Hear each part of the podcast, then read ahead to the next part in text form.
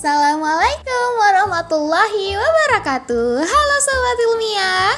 Ketemu lagi nih di podcast LPI FEB Unri tahun 2023 Nah sobat, kepengurusan LPI udah berganti lah For your information. Direktur Eksekutif LPI FEB Unri sekarang ialah Riki Aryadi Nah, untuk sobat ilmiah, pantengin terus ya podcastnya LPI FEB Unri soalnya bakalan banyak update terus nih podcastnya. So, terima kasih sobat ilmiah and see you.